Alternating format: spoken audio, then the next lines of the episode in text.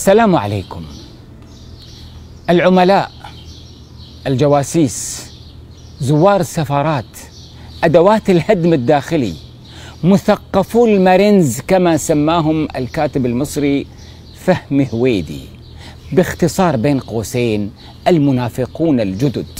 أخطر شريحة في المجتمع ذلك الذي هو جزء منك ومن كيانك لكن ولاءاته وعمالته للخارج لن أثقل عليكم ولن أدخل في يعني تفصيلات سياسية وغير سياسية. الشعر يبسط هذه المعاني لأن كلمات الشاعر قريبه قريبة من النفوس وتعتصر وتختصر المعاني. الشاعر اليمني عبد الفتاح جمال محمد حفظت هذه الأبيات في صباي عندما يقول أماه يخاطب أمته اماه أعرف أن تاجك قد نقشت عليه قرانا وسنة. اماه أعرف أنك حبلى بآلاف الأجنة. اماه لا أخشى عليك العقمة لكني أحس بما يدس لكبت أنفاس الأجنة.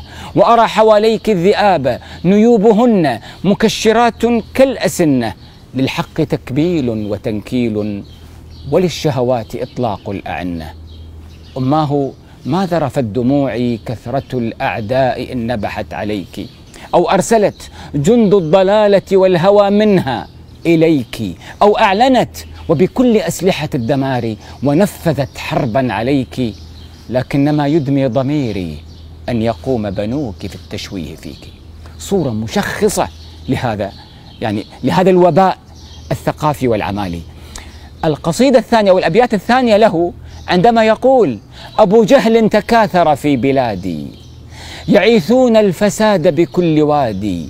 أبو لهب ومن معه أغاروا على ديني بألسنة حداد. فكذاب اليمامة صار رمزا وهام الناس حبا في سجاحي.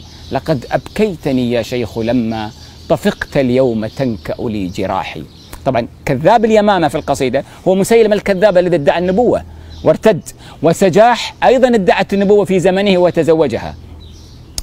لذلك لما يقول أبو جهل تكاثر في بلادي أبو جهل كثير اليوم أبو لهب كثير و كما قال محمد قطب في كتابه جاهلية القرن العشرين على أن بعض صفات الجاهلية دعني الحقبة التاريخية إنما الصفات الجاهلية متوارثة زمنيا وليست حقبة تاريخية معينة. ويأتي أحمد مطر في بيته المشخص الدال للموحي ويلخص خطورة المنافقين فيقول عرب ولكن لو نزعت جلودهم لوجدت أن اللب أمريكان. هم العدو فاحذرهم. يجب أن ينتبه المجتمع المسلم لمن معه ولمن عليه ويواجه هذه الآفة الاجتماعية الخطيرة التي تخرق سفينة المجتمع من داخله. شكر الله لكم.